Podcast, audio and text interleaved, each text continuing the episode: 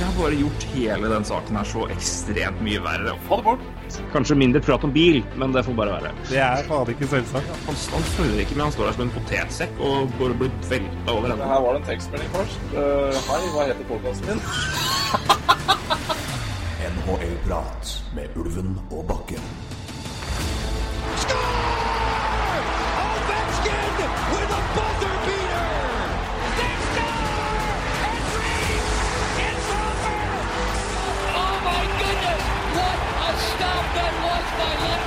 I can't believe my eyes. McDavid, what a play! What a goal! Oh my! Connor McDavid, welcome back!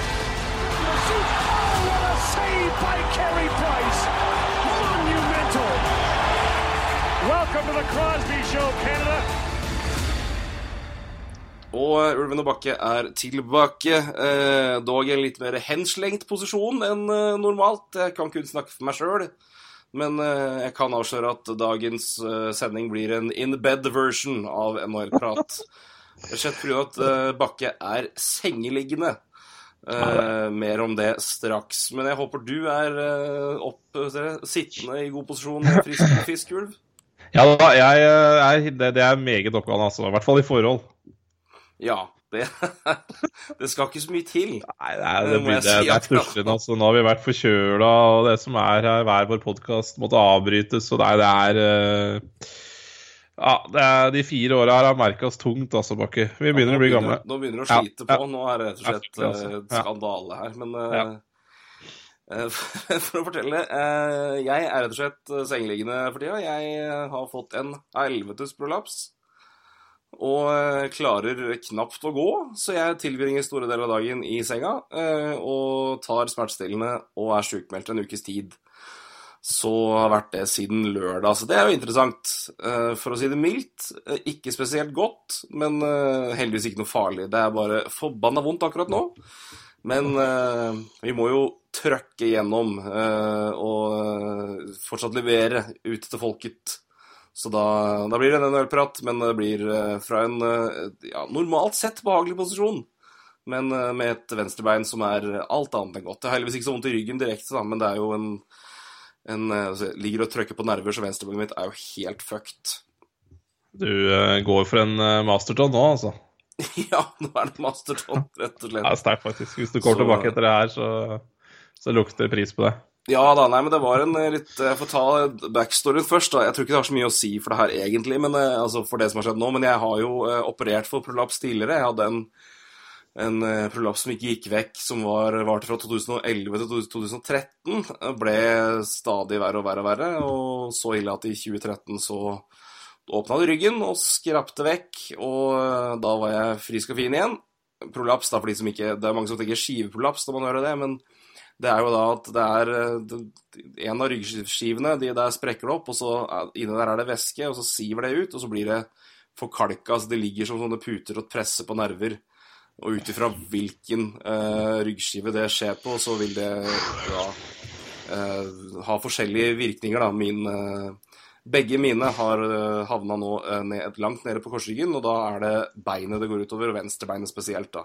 I begge tilfeller. Men eh, den forrige, den eh, kom eh, Den snek seg innpå, var liksom slu og, og kjip og ble liksom sakte verre. Den her kom brått og fort. På den mest pensjonistmåten jeg kan tenke meg. Eh, jeg skulle, jobbe på lørdag, så jeg våkna og skulle sjekke et par ting på Mac-en først.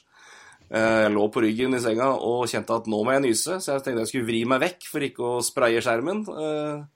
Vente meg til sida, nøs og kjente det sa pop i ryggen, og der var venstrebeinet mitt helt ødelagt. Så jeg vred meg rundt på magen i, for å prøve å døyve smerten, og der ble jeg liggende i tre timer. Prøvde å komme meg på beina, men det hadde jeg ikke sjans til. Så ringte legevakta og ble henta med ambulanse og fikk morfin og stesolid og gudene vet hva. Fikk kava meg opp og halta meg ut på båre. Kjørt til legevakta og sendt videre til sjukehuset der. Det er jo samme, samme bygg i Kongsberg. Var der og fikk jo da bekrefta at her er, det, her er det trolig en prolaps. Beinet funker fint. Jeg får klarer å gå på det Jeg klarer å stå på hæler og tær og alt sånt. Og det er ikke noe, det er ikke noen lammelser som kan skje ved prolaps eh, ved enkelte steder. Men eh, jeg ble sendt hjem med Oxycontin og Oxynorm. For de som eh, kjenner det, så er det da opiatmedisiner som er i USA ansvarlig for opiatkrisa. Det er det mange hockeyspillere har blitt painkiller-avhengig av. så det knaska jeg lørdag og søndag, bare sånn for å illustrere at det var heavy shit jeg fikk, for det her er jævlig vondt. Så jeg var tilbake på sykehuset på mandag for å få litt mer oppfølging på Så nå har jeg fått andre, andre medisiner, men eh, klarer da knapt å gå. eh, og er eh, nå Ja, har fått litt andre medisiner nå, da, så ikke, det ble ikke noe opiatkrise i heimen her, forhåpentlig, forhåpentligvis. Men eh, det er eh, rimelig vondt. Men eh, Altså, det høres så jævlig ut, eh, sånn prolaps. Eh, Nei, jo, det, altså, altså, det, det hvis, jeg, hvis jeg får gå livet gjennom uten noe sånt, altså, så er jeg så jævlig lykkelig. Altså, alt med rygg og sånn. Ja, det er, det er Det som er ekstra pain med det, er jo det at det er omtrent ingenting du gjør som ikke kjennes i, i ryggen. Og sjøl om det er, liksom, det er beinet jeg har vondt i, det er jo der jeg gjør vondt, men det er jo ryggen det som er grunnen til det. Altså, så det er jo helt umulig å gjøre noe uten at det kjennes. Så um, Og her er, og her er det sånn konstant Jeg kjenner det hele tida, men uh, det er ikke så vondt når jeg ligger. Men når jeg går, så er det fra uh, jeg har brukt smerteskalaen mye til leger og, og sykepleiere og alt for å beskrive, og sier når jeg går, så er det åtte, og åtte oppover, altså. Det er, det er helt jævlig. Men eh, Men altså, du sa sykemeldt en uke. altså For meg høres det ut som den er nesten slakteklar. altså. Ja, nei, men det, det er jo det at det, det, er, Men heldigvis, da. Det som er eh, erfaring, eh, er jo at de som på en måte kommer så brått og er så jævlig vonde, de går etter hvert. Altså, prolaps, det som er veldig fint, men samtidig jævlig kjipt med det, er at det er ikke så mye å gjøre. Det er bare å vente til det til den forkalkninga går vekk. For det er jo det Det skal jo Normalt sett tørker det jo inn og blir borte av seg sjøl. Ja. Men uh, i mitt tilfelle forrige gang så gjorde det jo ikke det, da, men da var det jo en helt annen. Jeg var jo ikke, det var jo ikke så Nei. ille da. Ja. Men uh, det er egentlig bare å prøve å medisinere det så godt du kan, og prøve å holde deg i bevegelse så godt du kan, og satse på Ja. at det går over før eller senere, da. Så i første omgang så er det, er det da en uke, og så håper jeg at det er, eh, at det er bedre da. At jeg i hvert fall klarer å fungere noe, da. Men uh, vi får se. Men Ja, nei, nei, det tar jo den tiden jeg trenger, det. Så ja. Men jeg, det er ikke, jeg unner ikke dette noen. Det er, eh, det er rett og slett forbanna vondt. Ja. Og det er, eh, som sier, ryggen, da, da kjenner du Og spesielt korsryggen, da. Så er det, det, er, det er ikke veldig mye du kan gjøre uten at det, eh, den brukes. Så da er det Det, det er rett og slett Ja, det, det, det, det påvirker egentlig hele dagen. altså, Så- det høres vondt ut. Så, nei. Uh, nei, vi må er- slippe La oss slippe det, altså. Ja, så det er eh, Men eh, så, jeg er heldigvis, eh, heldigvis ikke lenger på oksykontin, så det får vi Det går framover, da. Men eh, nå er du sikkert avhengig av det, da, så da nei. Ja. Nå tar du meg sikkert på svenskegrensa med, med, med, si, med smertestillende uten resept. En liten Mike Richards-referanse der. Han hadde jo for øvrig bursdag i går. I dag er det bursdagen til eh, Alex Galchenyuk for øvrig. Det er sånn man lærer seg når man er inne på Elite Prospects hele tida. Der er det jo alltid bursdager til de, som har, de spillerne som har bursdag. Men, Sånn er det å eh, være sengeliggende, mener du? Kanskje mer riktig. Kanskje Ja, mer riktig. jeg føler Ja. Jeg er innom uh, Elite Prospects en gang iblant sjøl, men eh, bursdag, der, der har jeg ikke vært sterk ennå. Så det må være noe med sta, altså din eh, status eh, der. Ja, nei, det får være mitt ekspertområde, rett og slett. Ja. Er, eh, men eh, over til et annet lag som, eh, om ikke de er sengeliggende, så i hvert fall er de knestående. Vi skal gjennom en haug med temaer så godt vi kan. Men vi må jo begynne med Anaheim. Anaheim Ducks som Ja, der fikk Randy Carlisle sparken nylig. Det lå vel i korta etter at Eller jeg vet jo aldri med, med Carlisle og, og Bob Murray og kameratskap der, men det var jo mye snakk om det, og så eh, nå, har, nå har det skjedd. Og det var vel på tide, hvis man skal se sånn på det. Jeg tror, hvis jeg ikke husker helt feil, Du- Ducks har tapt omtrent nesten Ja, Ja, det er to, to seire på 21 kamper nå, tror jeg. Ja, jeg tror det var noe sånt. Jeg, begynte å tenke at det er, det er helt grusomt. Ja, det er Så eh, um, Noe måtte jo skje, uh, og det her uh, Og det jeg tenker bare Hvor ille hadde det ikke vært hvis ikke John Gibson hadde stått på huet? Uh, Nei, det I hvert fall i starten av sesongen. sesongen. Så Nå har, jo, nå har det blitt vanskelig, og da ser du hva som skjer. ja. Så det må, altså, det, Vi kan vel ikke si noe på at han fikk sparken. Altså, det at han ble ansatt i det hele tatt, var jo veldig rart. Ja, det var jo det. Igjen, kan du si, da. ja, Ja.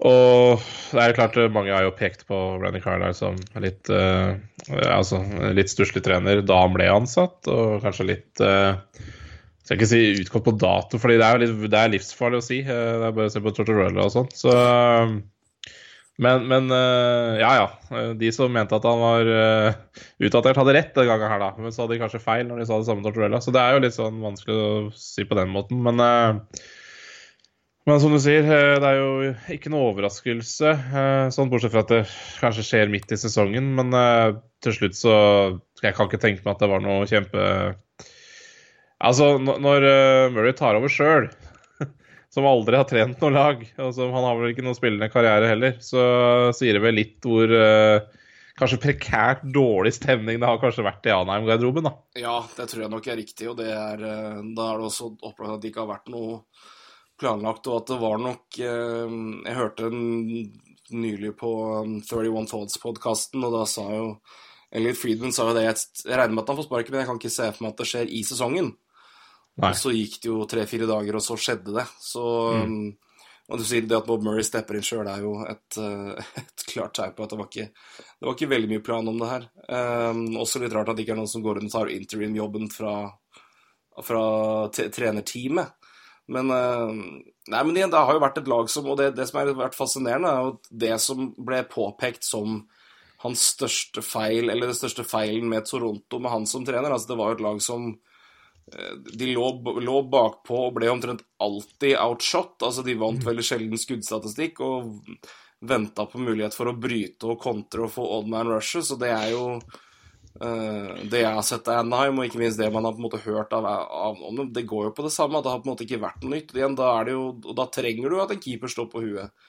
Og John Gibson har jo gjort det i starten av sesongen, og da har de på en måte vært bedre med enn man kunne frykte. Men eh, nå har det jo falt helt på trynet.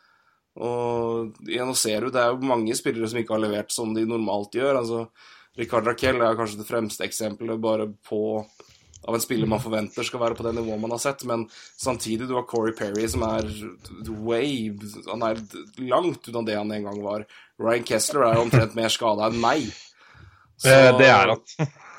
Ja, altså, altså, han burde vært stengeliggende, men han spiller jo hockey, stakkar. Men det er jo Men han tar jo de preparatene som du kosa deg litt med i helga, da, så går det vel greit. Ja, minst, tipper jeg. Så det, men, eh, men jeg- se på Gå og se på tallene til Ryan Kessler. Det er jo, han er jo Det er en, det er en kropp med skøyter på som er utpå der. Det er jo er det, det. er det. Han har fire, han har fire poeng. Ja, øh, og det er klart, men det er klart å på, Poenget står seg, ikke det, men det er klart både Corey Perry og Ry Kessler Jeg vet ikke hvor mye du kan eh, Du kan, kan jo ikke peke på de heller eh, i år, nesten, fordi de Altså, Kessel skal vel omtrent være fornøyd, bare møter opp i hallen, og Corey Perry er jo tilbakejakta fra skade, så det er klart at ingen av de har jo kunnet Har jo ikke hatt i nærheten av å kunne bidra, men det er klart altså det, det, Laget blir jo tynt, da. Men det er klart når de, signerte, eller signerte De trada Adam Henrique med, fra, fra Devils, og, som skulle kanskje være en andre senter, da. Eh, fordi de så vel hvor det var med Kessler. Så, Ja, ja, så er det vel blitt for tynt, eh, Ja, rett og slett. de, de, de Eh, gutta der tar, de er jo så dyre. Det er jo så dyre, det er det som er problemet. Ja. Det, vi var jo aldri glad i den Kessler-kontrakten, og så ble Nei. det jo basically krøpling. Ja. Uh, og da, da blir det i hvert fall ikke noe bedre. Og det er Nei, igjen, altså, det er jo ikke de som sitter på noe hovedansvar, det er ikke det jeg tenker her, men, men, det, men det er liksom, de er jo prominente profiler i laget her som var sentrale deler og har på en måte vært det, og nå er de jo helt borte. Og igjen, og det, er, det bare virker Ja. ikke som om det er noe Det virker som alle sliter. Forsvaret òg er det jo kjempespillere og kjempenavn, ikke sant? Men det, men det er bare ingenting som virker å flyte som det skal. Og det er jo Det er jo åpenbart da å peke på en, eh, en, en trener som nå er borte. Og så Ja. sier måten det skjer på, indikerer jo at det har vært et prekært behov ut ifra stemning i laget og i garderoben og Ja, hva enn. Vi kan jo våge å tippe det når vi ser utifra. Ja, hvis du, du nevnte Hvis Elliot Friedman sa to-tre dager før sparkinga at det antageligvis ikke kom til å skje noe sparking midt i sesongen, så da veit du at uh, ting har skjedd fort. For hvis ikke han har opplyst, da har ingen det. Uh, nei, men det er interessant. Uh, altså uh, Spådde vel ikke gul og grønn skoger med Ducks-laget før sesongen, men at det skulle være så dårlig, uh, det er jo ganske trist. Men, uh, men det er klart. Uh, Uh, Raquel, som du nevnte, Jakob Silveberg. Det er også spillere som må stå opp. da. Adam Henrik, Nick Ritchie fikk jo en fin Ja, satt jo ute etter sesongen starta med samme kontrakts... hva skal jeg si Ikke problemer, akkurat, men satt i hvert fall uten kontrakt og var RFA. og fikk jo godt betalt og skulle jo Skal i hvert fall levere bedre enn det han gjør. Mm. Så det er, det er, jo blanding, da, føler jeg. Jeg føler det er litt sånn Det er litt tynt også. Uh, så mangler jo Ondrej Kasja, som har vært uh, veldig bra når ja. han har spilt, men han var jo skada lenge, og så kom han tilbake og leverte, og så er han skada igjen.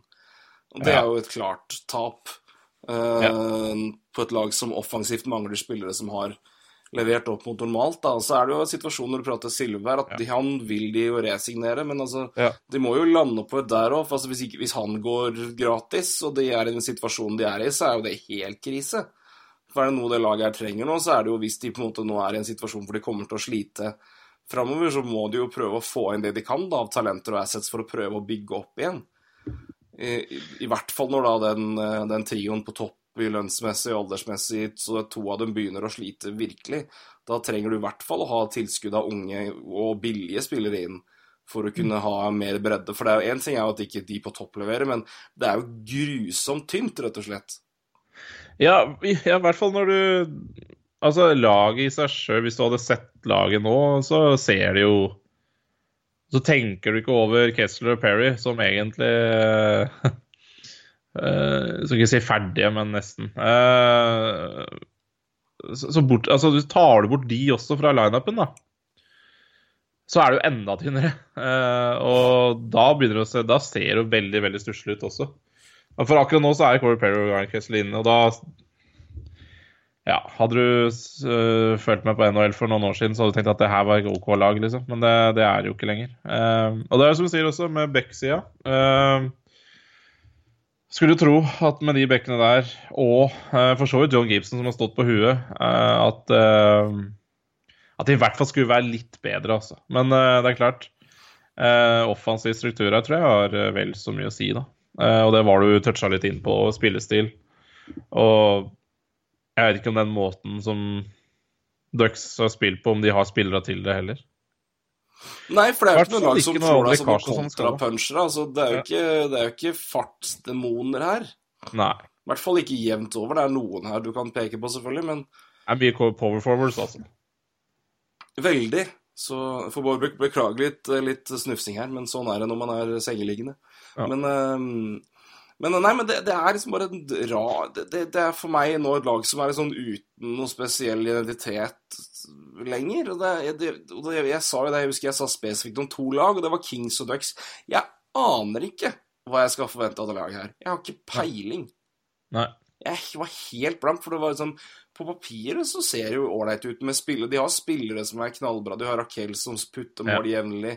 Getslav er fremdeles veldig bra, og det har ja, har blitt en assist-mann. Silverberg er en topp, topp toveisspiller. Da har du Nick Ritchie kommer inn. Nick Ritchie har jo igjen potensial til å være bra. Andrej Kasha har vært bra. Corey Perry bør i hvert fall klare å levere lite grann. Og så hadde du et par andre spillere som har vært der lenger. Cogliano har jo vært ålreit når han har vært der, men nå har han trada for Devon Shore. Og igjen ja. defensivt. altså Josh Manson, tip top, Brandon Montour har sett veldig bra ut nå og utviklet seg til å bli veldig ålreit. Hampus Lindholm har jeg alltid likt. Ja. Cam Fowler hadde virka å finne flyten igjen og signerte jo en langtidskontrakt nå for Realhavel i fjor. Mm. Og igjen, du hadde John Gibson, som jo har, har evnen å åpenbart vise det, til å stjele kamper og være en av NHLs mm. beste keepere. Men igjen, han, du kan ikke være Supermann 82 kamper eller 60 kamper da i året. Du, det går ikke. Nei, nei, nei. Og det, du ser jo det nå, at han ble jo altså Det var tre kamper på rad nå hvor han starta og ble bytta ut, for han ble jo bare chasa så det dundra. Ja. De slapp inn var det 20 mål på tre kamper? Ja. Ja, nei, det, det Ja. Stakkars mann, egentlig. Eh, for det, det ja, det må være ganske fryktelig å stå bak der og få lite hjelp. Og så ser du for så vidt at jo, uansett hvor bra du spiller, så blir, ender jo ikke bra. Så det er som du sier også, så blir jo all, altså working loanen hans blir jo altfor uh, Altså, det, det, hadde, det hadde jo ikke noe spilt noen rolle om han hadde klart å fått et lag til sluttspill engang. Fordi han hadde jo vært helt utbredt når det kom til sluttspillet sjøl. Så mm. Uh, Nei, og det, det, er jo Du er jo inne på, på, på det defensive. Det er mye bra spillere, men, uh, men jeg lurer jaggu på meg at jeg tror ikke det er mange i det laget her som er freda. Altså. Nei, virkelig ikke. På ingen måte. Og det er jo uh, Så det, det, blir veldig spennende å se hva de lander på, hva de bestemmer seg for å gjøre, rett og slett. Om de og, for, altså, De har jo noen, noen lovende spillere på vei inn. Sam Steele er jo Begynte jo i Anheim, var ikke spesielt vellykka der, men har jo kommet til AHL. og Mange forventer jo at han skal være en spiller som kan levere knallbra. ikke sant? Maxim Comtois har de der. De har Max Jones, de har Isak Lundestrøm, som ble tatt nå. Defensivt så har de jo også noen spennende unggutter i Josh Mahura og Jakob Larsson, ikke minst. Så det er jo, det er jo unge, unge spillere på vei inn. Men, ja, men spørsmålet ja, er når, når kan ja. de komme inn, og, og, hvem på en måte bygger de rundt? da? Og så er det og vil du på en måte da prøve å få en, å, å, bygge på nytt rundt dem og beholde noen spillere her. Men jeg, sier, jeg, tror, ikke, jeg tror ikke mange her er freda, altså.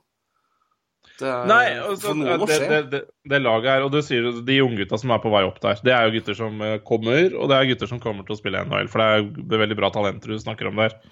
Uh, og så ja, eh, Daniel Sprong også kan du legge til, da, som kom i trade med uh, Pittsburgh. Uh, ja. Marcus Petterson andre veien. Så de hadde jo plenty av bekker å sende bort uh, Ducks, og gjorde jo det mot en ving. Og veldig smart, syns jeg. Jeg likte for så vidt David Shore-traden også, fordi det viser en litt annen tankegang for Ducks enn Cogliano. Cogliano, OK, okay, okay ishockeyspiller, men en helt annen spiller enn David Shore. David Shore er, litt, er kanskje litt mer fart der. Jeg liker jo for så vidt den tankegangen. Men uh, det er jo det er vel lite tvil om at det laget her må Altså eh, Det må en reality-sjekk til her. Ja, altså Men hva, hva, skal OK, du har jo litt sånn Du har jo valg, da. Skal du, skal du, skal du bygge for å prøve å ja, så Skal du rebuild, retool, eller skal du hva skal jeg si, bygge videre på det her? Men altså, det nytter jo ikke an å det nytter ikke å si re... Altså, Hvis du ikke kvitter deg med Kessler og Perry, da, så sliter du med en rebuild. Det er jo altfor mye penger her. Ja, eh, de det, jo, det, det, som er utfordringa, at du har de penga knytta opp til de spillerne. Og du har ja. Perry Getzlaff uh, i to år til etter den, uh, etter den, sommeren her, og så Kessler til 2022. Aldri i verden om han fullfører den, uh, men det er i hvert fall kontrakten hans. Men, uh, men, han burde jo nesten lagt opp nå, men det er vanskelig å si farvel til så mye millioner. Uh, og det er også vanskelig å si farvel til altså, han, han, spiller jo kamper, så det, men han er, altså, han er jo en skygge av seg sjøl. Men, men, men, igjen, det, det, det, det, blir van, det er vanskelig på en måte å se noen opplagte løsninger her. og Det er utfordringa, men, men, noe må jo skje. altså De må jo finne ut hva de skal gjøre videre. og det er jo Derfor jeg sier som du sier, og enig i det, at jeg tror ingen her er freda. For det jeg tror, du, du, har ikke noen opplagte løsninger, så jeg tror du må bare se okay, hvilke muligheter har vi. Ja, og det er jo Altså, du må jo bare Om det så er Hampus Lindholm som må ut, og så for, for, å gjøre noe med en annen kontraktsituasjon, det altså det, det, det må bare bli sånn i det laget. Det er som du sier, det er veldig lite fleksibilitet. Eh, men det som er bra med Anheim, selvfølgelig Um, Og det er de unggutta du uh, nevnte på vei opp. For de har drafta veldig, veldig bra. Og de har ikke solgt seg sånn uh, Altså, de, de, har jo beholdt som regel uh, førsterundevalga sine og drafta og um, så, så, det er i hvert fall positivt. Uh, men å sitte der med Corey Perry 33, uh, Kessler 34 Getzoff leverer, så sånn sett så er ikke det noe krise. Men selv han tror jeg ikke er freda her, for, Nei, for det, det, er, det er over 8 millioner. Han får han du mye for. Og han bør veie altså, Han er jo fortsatt en, en ypperlig ledertype. Erfaren, ja. har vært med å vinne både Stanley Cup, vært med å vinne Det er vel to OL, til og med? Han var vel med i Sotsji òg? Ja. ja, ja. Og produserer jo fremdeles en solid power forward, bra toveispiller, ja. bra faceoff og sender jo assist som bare det. Så han bør jo være Altså, ja, han er dyr, men han, han er jo i hvert fall mulig å flytte. Hvis det, hvis det skal gå an, da. Uh, så får du eventuelt se på muligheter for å dumpe, dumpe Perry da, og beholde en del av lønna, men å sende han til, en, til lag som åpenbart er uh, bunnlag noen år framover, og ta på seg se muligheten for å få betalt da, for å ta den kontrakten der. Igjen, hvis Ja. det går an, de har jo klausuler, eh, begge Ja. de kara der, men, men det må jo være noen muligheter. Men så er det også å se på muligheter da, sånn som ja, Lindholm, da, som jeg, jeg tviler ikke på at det er noe alternativ, bare for å, i hvert fall å lette opp noe og få noe inn. Fordi han nå kommer jo til å ta en solid betaling eh, for å få. Ja, veldig. Uh, det er klart Når jeg ser på laget, så syns jeg vel kanskje det er én som utpeker seg som kanskje mest uh, untouchable, og det er vel kanskje Raquel med en vanvittig fin kontrakt, da. Ja, den er løylig. Og den, og den, den, den flytter du ikke, fordi den, den, gjør deg, den gjør deg ingenting. Den bare gjør Altså, den er så gull. Den er på 3-8 i tre år til etter en sesong der, og det, eller i underkant av 3-8. Eh, Og den er bare Den, eh, den, er, den flytter du ikke. Det er ikke noe poeng, eh, fordi den er så bra. Eh, men du nevnte Silveberg, og der tror jeg Jeg tror mye av svaret ligger i hva de gjør med han. Jeg tror det kommer til å vise mye av hvordan de tenker langsiktig. Så hvis, hvis, de, hvis de Eh, velger å resignere han og beholde han, så tror jeg jo det er litt en, en, et tegn på Altså, du skal ikke ta enkelthendelser og på en måte blåse det opp som på en måte statement for resten av tida, men, men jeg, jeg er veldig spent på å se hva de gjør med han, og tar det nok litt som et tegn på hva, hva de tenker. For hvis de velger å beholde han, og resignere han framfor å, å, å trade og få noe tilbake, så tror jeg det å vise viser litt om at de, de vil beholde de gutta de har. Ja, da, da lukter det ikke noe rebuild her, i hvert fall. Nei, det er i Eh, hvert fall og- ikke. Og, det er ikke sikkert det gjør uansett, det er ikke det, altså. Men uh, eh, fordi det er litt vanskelig å sitte og se på det laget og se hvilken løsning du skal gjøre, egentlig. For det handler jo egentlig veldig mye om eh, ja, eh, Kessler sin eh, helse og Perry og non-movement clauses og alt mulig annet som er litt vanskelig å forutse. Men, eh, men det er klart det er jo tøft. altså Silveberg skal ha han opp i lønn, og så skal Adam Henrik nå opp under nesten seks millioner. Altså Det blir trangt her under capen. Ja, det blir jævlig trangt. Jeg, jeg, jeg bare uh, Ja. øh. Nei, jeg, sagt, jeg er jævlig spent på Kessler, for jeg skjønner ikke helt tanken om å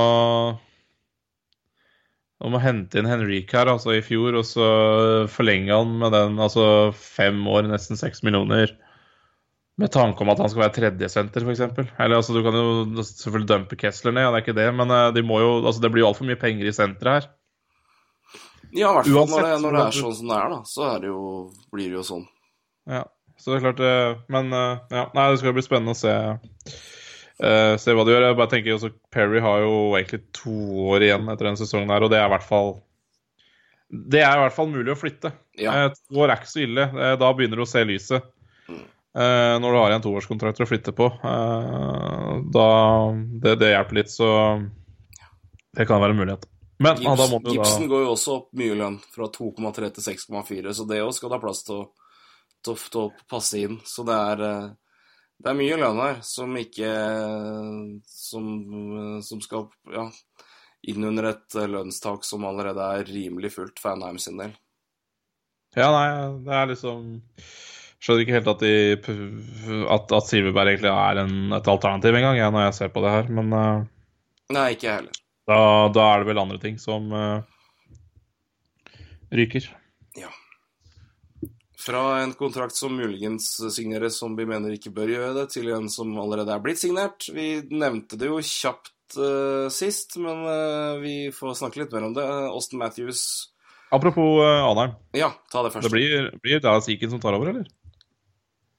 Det hadde jo vært uh, veldig bra, tror jeg. Uh, AHL-treneren jo hans. Ja. Ja, vi har jo prata Vi har jo nevnt det før, at Ja, har han har vi på en måte venta på skal få liksom, sjansen. Igjen øh, var jo øh, en øh, veldig høyt ansett øh, trenertalent. Var Mm. vel i Marlies først, og så fikk jeg muligheter i Edmonton. Mm. Men gikk jo på trenerdøden der som så veldig mange andre. Fikk ikke spesielt mye tid. Uh, og man har vel i ettertid kanskje skjønt at det var vel så mye lag og management som trenere som ikke klarte å fungere. Men har jo vært eh, AHL-trener i San Diego for San Diego Gulls, da, altså AHL-laget til Anaheim, i flere år. Og, og kjenner jo både Kjenner jo mange av spillerne der, ikke minst, og det er jo ofte en, en bra ting. Uh, og er jo, ja, det, det er et veldig godt forslag. Det er et kjempeforslag, faktisk. Så det støtter jeg fullt ut. Og det, ja, A-laget sier jo det også ganske bra, så det er klart Og eh, det er jo ikke noe poeng Altså, det også tror jeg Altså, Det ville vært en enkel løsning å hente han opp som NHL-trener. Eh, eller interim, eller hva du kaller det. Men, eh, men, det er noe med det å Det skal jo, eh, skal jo avslutte sesongen i AHL også. Eh, og det, de, de, gjør det vel ganske bra. Så, så, der har du kanskje også et svar på hvorfor eh, GM tar det i egne hender.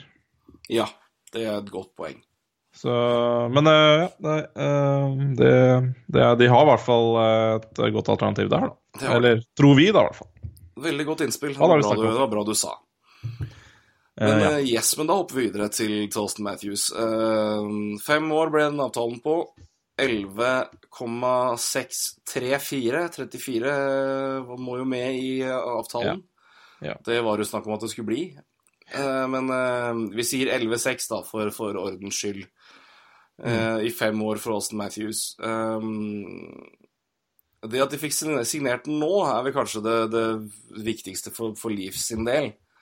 Og øh, jeg det, Det var mye reaksjoner om avtalen. Jeg syns det egentlig var overraskende mye reaksjoner. Men igjen, det er Toronto, det er Austin Matthews, selvfølgelig er det ja. reaksjoner. Men det er vel en uh, levbar deal, det, er ikke det? Både med term og med lønn? Uh, ja, den er jo levbar, for alternativene tror jeg ikke er alternativer. Så det, det får uh, mer år, uh, høyere lønn, og det tror jeg du Det er rett og slett det her Toronto må, må, måtte ta.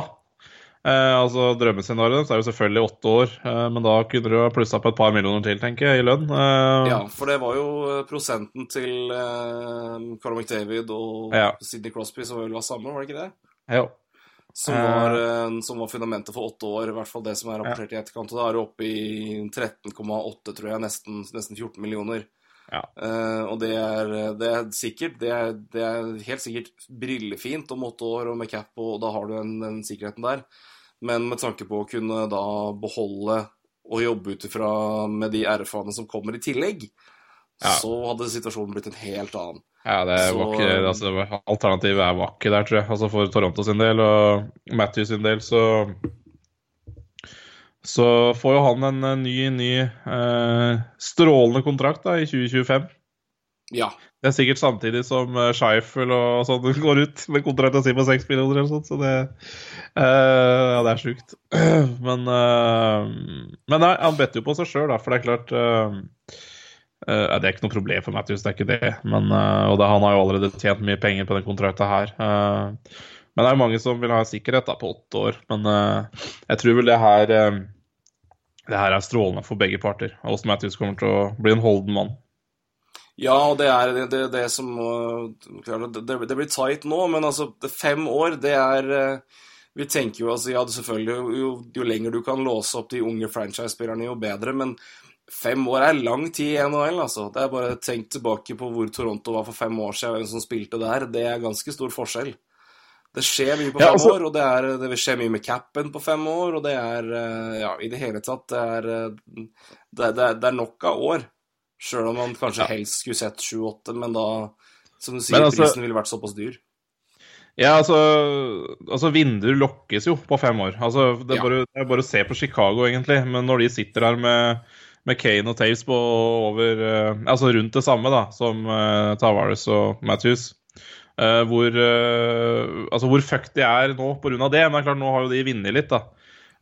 så det er litt forskjellen, selvfølgelig. Men det, så det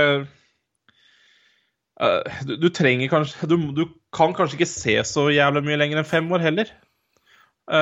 for hadde du, hadde, altså, hadde du gitt Taves fem år, da, så hadde du sett kanskje litt annerledes ut i Chicago også. Uh, så det er vel en litt uh, Det er kanskje en ny tankegang, det her, da.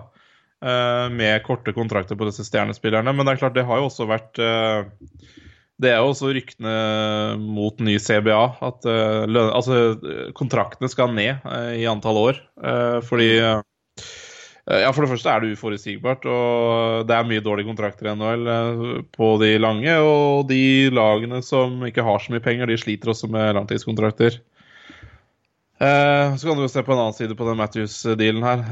Det er, ikke, det er ikke veldig mange lag i NHL som kunne signert denne avtalen her. For, for maken til signeringsbonuser som skal gis ut, det Ja, det er eh, helt grusomt å se på. Det er jo 30 millioner de første to åra i signeringsbonuser, så det er jo ingen som har råd til, bortsett fra, fra for en håndfull lag i NHL. Så nei. Eh, Det er mye rants om eh, signeringsbonuser, men det kommer til å bli stort issue i neste, neste CBA-krangel, så Ja. Det tror jeg nok også du har rett i, gitt. Men, nei, men det det er jo interessant å se også den en utvikling som går på eh, både det her og, og med Tavares, at vi har nå Tavares som går til, til markedet som en klasse A pluss-spiller og velger å bytte klubb. Det er jo ikke ofte vi ser det i NHL. Eh, I hvert fall ikke i, ut av en eh, Altså i, i sin prime, da. I midten av 20-åra, eller eh, 27 var den vel når, når det skjedde. Um, og her har vi en avtale hvor eh, Og så ser vi jo det nå med, med unge spillere som tar uh, Som krever mer penger tidligere.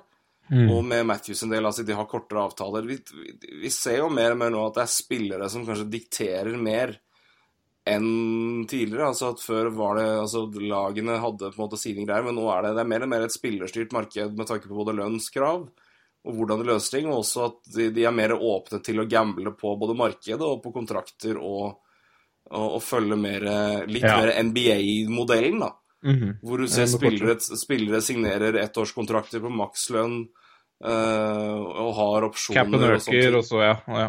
Capen øker, og så makser Ja. ut neste. Det, LeBron James gjorde det i Cleveland, blant annet. Og det, du har mye mer av det der. Altså kortere, kortere term på avtaler. Eh, og mer, mer, og, igjen, og og større utbytte på lang sikt hvis, hvis, det, hvis det lykkes, da. Um, så jeg, jeg tror nok det her også er en trend vi kommer til å se mer og mer i NHL, at, at det blir mye mer uh, spillere som tør å gamble mer på, på seg sjøl og for å makse ut penge, pengegevinsten eh, framfor den sikkerheten og som det er da ved garanterte kontrakter i NHL. Så det tror jeg nok også er en effekt vi, vi vil se mer og mer av. Og det er jo spillere som har omtalt det etter Tavares, at det som blir spennende å se med UFO-markedet framover. Og det, Taylor Hall blant annet nevnte jo det, at det, han syntes det var veldig art, moro å se at Tavares valgte å gjøre det som han gjorde. Um, og det har jo også brakt opp en plutselig et tema. Elliot Friedman skrev jo om det nå i 31 Thoughts. Um, hvor han rett og slett ringte til Devils og lurte på om det var aktuelt for dem å flytte Hall. Um, med tanke på faren for at han valgte å dra da når kontrakten går ut neste sommer.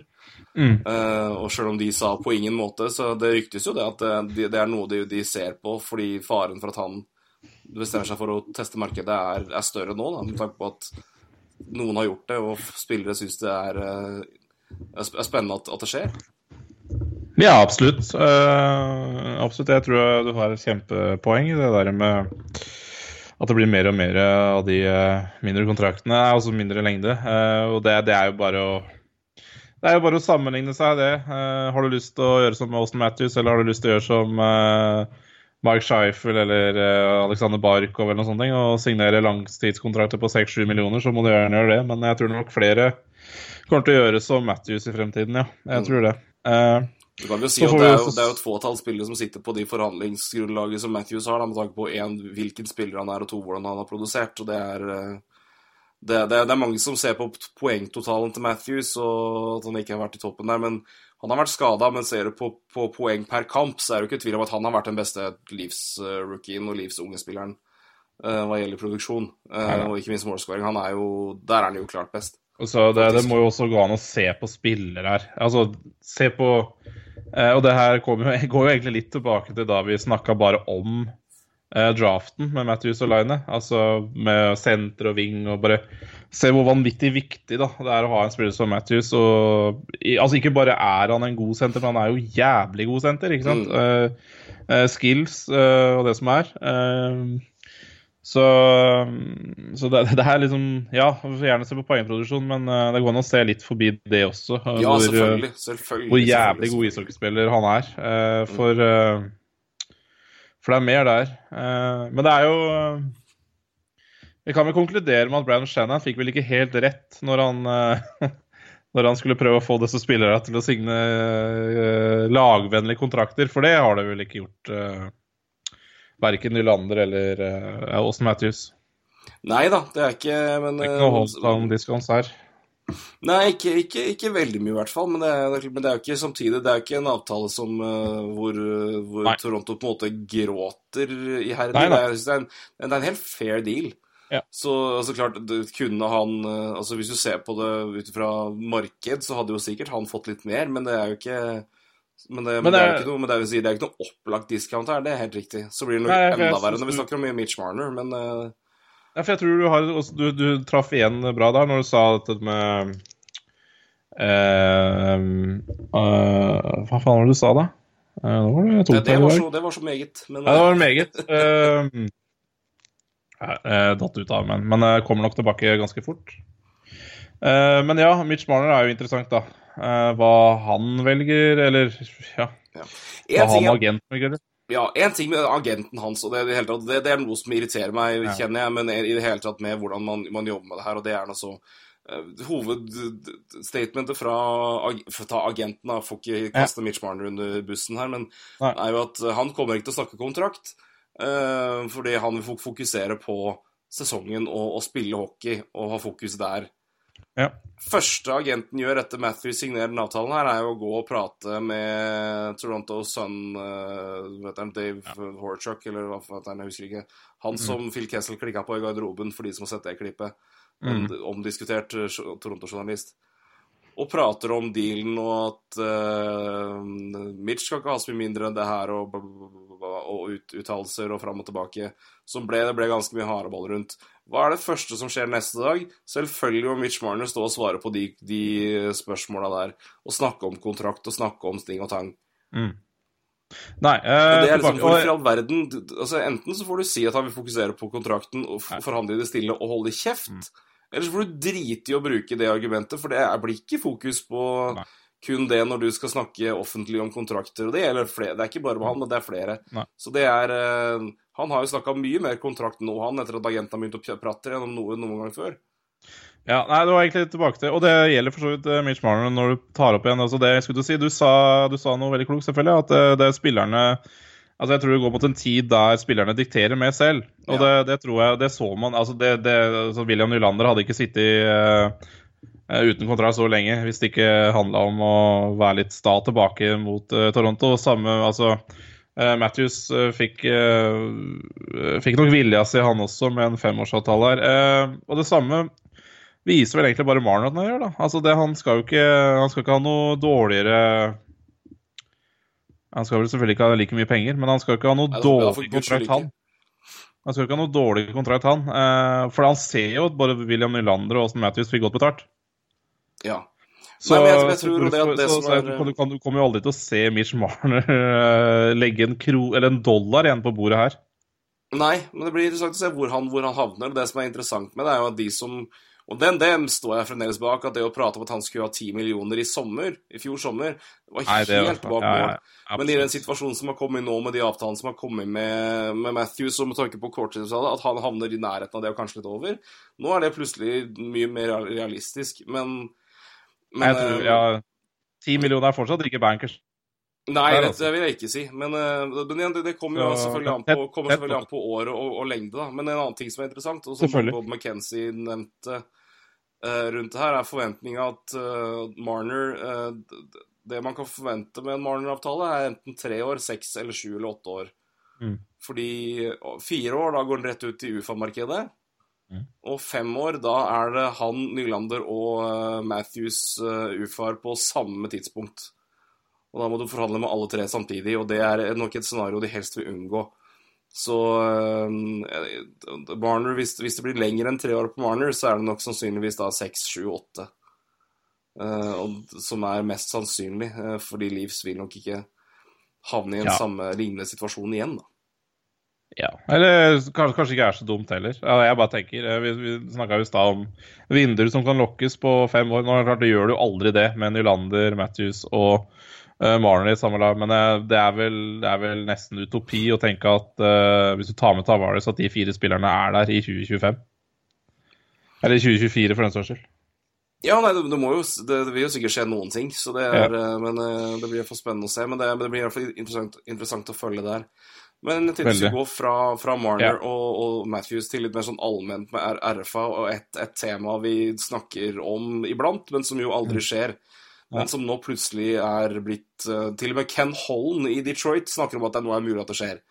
Uh, og det er offer sheets med tanke på all andelen RFA som er uh, Grunnen til at jeg vil ta det opp, er at uh, vi har jo snakka om det før, og vi har snakka om hvor bra RFA-kroppen er.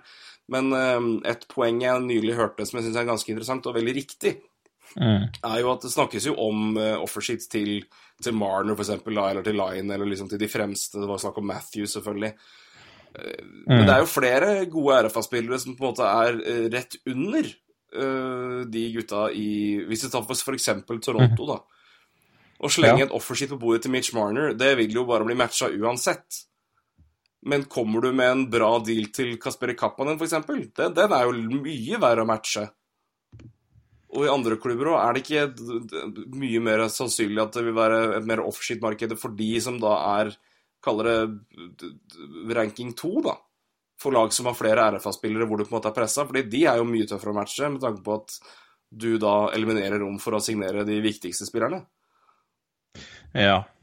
Ja, men da må du selvfølgelig samtidig argumentere for hvorfor eh, de matcher uh, Marner da, og Kappanen. Uh, ikke Kappanen, men jeg, jeg skjønner poenget der, da. Uh, men Uh, ja, det spørs nå akkurat nå, Apropos Marner og uh, Offershit, så spør, tror jeg må, altså, Antall dollar må jo spille noen rolle for hva, du velger å gjøre til slutt. Men eh, men Kappan, der har du et kjempepoeng, fordi den trenger jo ikke å koste så mye heller. For uh, altså, jeg tenker på i det du må betale for offersheetet. Uh, for det, det, er jo, det er vel ikke så vanvittig mye penger du skal legge på bordet for å for at de ikke kan uh, egentlig uh, kvalifisere Kappan altså RFA-bud på han. Uh, Nei, men det er jo- nærmer du deg 4,5-5, så er du i hvert fall i trøbbel. Kanskje fire òg.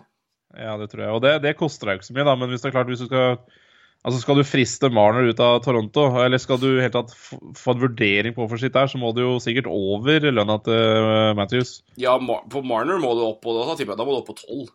Ja, ikke sant. Og, det, og det, da begynner det å koste fryktelig mye også, da. Ja, det er dyrt. Eh, Det er men dyrt. herregud Mitch eh, Marner er. Han er ja. eh, Det er dyrt for en wing. Men, eh, men eh, du skal få komme til de andre spillerne, for, for det er kjempepoeng. Jeg bare ville nevne altså Dette er litt interessant, dette med både Marner og Kappan der. Eh, og så er det interessant det du nevner om Ken Holland, og han, han prater om hvorfor sitt, så, eh, så er jo det mm, Ja, det, det er i hvert fall positivt, for eh, sånn som hvorfor sitt er nå, så er det jo bare latterlig. Ja. Eh, men det kommer jo bitte litt for seint, føler jeg. Eh, det her burde de jo tenkt på Altså, at, at offensivt tenkes på nå, eh, det burde de vel ha gjort eh, når uh, Tamper Bay har slitt med RFA sine disse to siste åra. Så Brendan Point er jo et åpenbart offersheet-target. ja, ja, absolutt. Uh, da har Ja, jeg er helt enig. En strålende, strålende førstesenter uh, som Eller vil jo være i mange lag. Ja, altså ta han ut av Tampa Bay og inn i et normalt marked som ikke som har skatt. da. Hvis du slenger 10 millioner på bordet der, så er jo ikke det urimelig ut fra hvordan han har prestert de siste, siste to åra. Altså, i hvert fall hvis du tenker på at du skal liksom by, by for å, å hente spilleren, så må du selvfølgelig betale for det. Men Ja, for spilleren må jo selvfølgelig også godta offersittet. Så, eh, så der har du også et godt poeng, da, med at du må nok smelle 10 millioner på bordet der. For, Ja, eh, for, eh, for det er jo mindre i Tampa. Eh, og det er et godt poeng. Uh, så, det er men noe han er jo, det er absolutt noe, noe som veldig, bør være veldig aktuelt hvis det på en måte blir det der. Men det er, det tilfellet der. Winnipeg òg er jo brått interessant når du har Kyle Connor, Patrick Line og Jacob Truba. Det interessante som har dukka opp med Line nå, er at han visstnok vurderer og skal være villig til å se på en bridge deal-mulighet. Ja, men det, men det skjønner jeg jævlig godt, for så dårlig som han har spilt i år eh, til Ja. tider. eh, så, så må jo han tjene på, på å kjøre to-tre år eh, bridge, og så får han bare Altså, det kommer jo til å løse seg. Eh, Det kommer til å løsne som bare det for den gutten. Han er 20 år gammel, så så det, så det skjønner jeg veldig godt hvis han går inn for en bridge. Den er nok ikke billigere enn bridgen heller, men, men, men det er nok kanskje en bra, bra avtale for eh, både Winnerpeg og han, tenker jeg. For, eh, eh, for det er jo ganske pressa lag, Winnerpeg, på capen eh, neste år. Med, ja, du nevnte Line. Uh, Connor skal ha ny kontrakt. Og Truba, da. Så gjenstår å se hva som skjer med Truba, selvfølgelig. Mm. Ja, nei, men det, For det det, er jo- interessante der er at igjen, har du en bridge-avtale på linet som strekker seg mer enn Ja, to år må jo være minimum der, kanskje tre. Så Ja. er plutselig hele lønna til Dustin Bufflin borte. Perot er borte. Perot er borte. Uh, og det er eh, Ja, og da har du jo Da har det funnet seg et nytt, runden der, så er du Da er Kulikov sin lønn borte, og da har du også mye mer lønn og, og rom når du skal resignere Josh Morrissey, Ja. som går ut om et år. Så det blir spennende selvfølgelig å se hva som skjer med Truba. Tyler Myers er det ingen indikasjon på at de forhandler med i det hele tatt.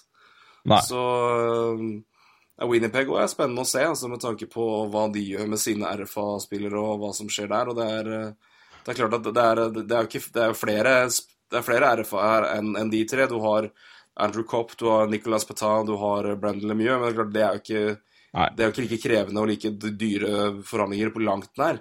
Men det er fremdeles uh, folk som skal signeres inn, så det er um, Nei, men, en, en, en bridge der, det, som sier, de, det er jo kanskje overraskende ved første øyekast, men eh, det gir jo mening og kan være bra for både Line og for Winnipeg, ikke minst. Ja, det Ja, det, jeg, har ikke, jeg har egentlig ikke tenkt på det før du sa det, men eh, det gir jo fullstendig mening.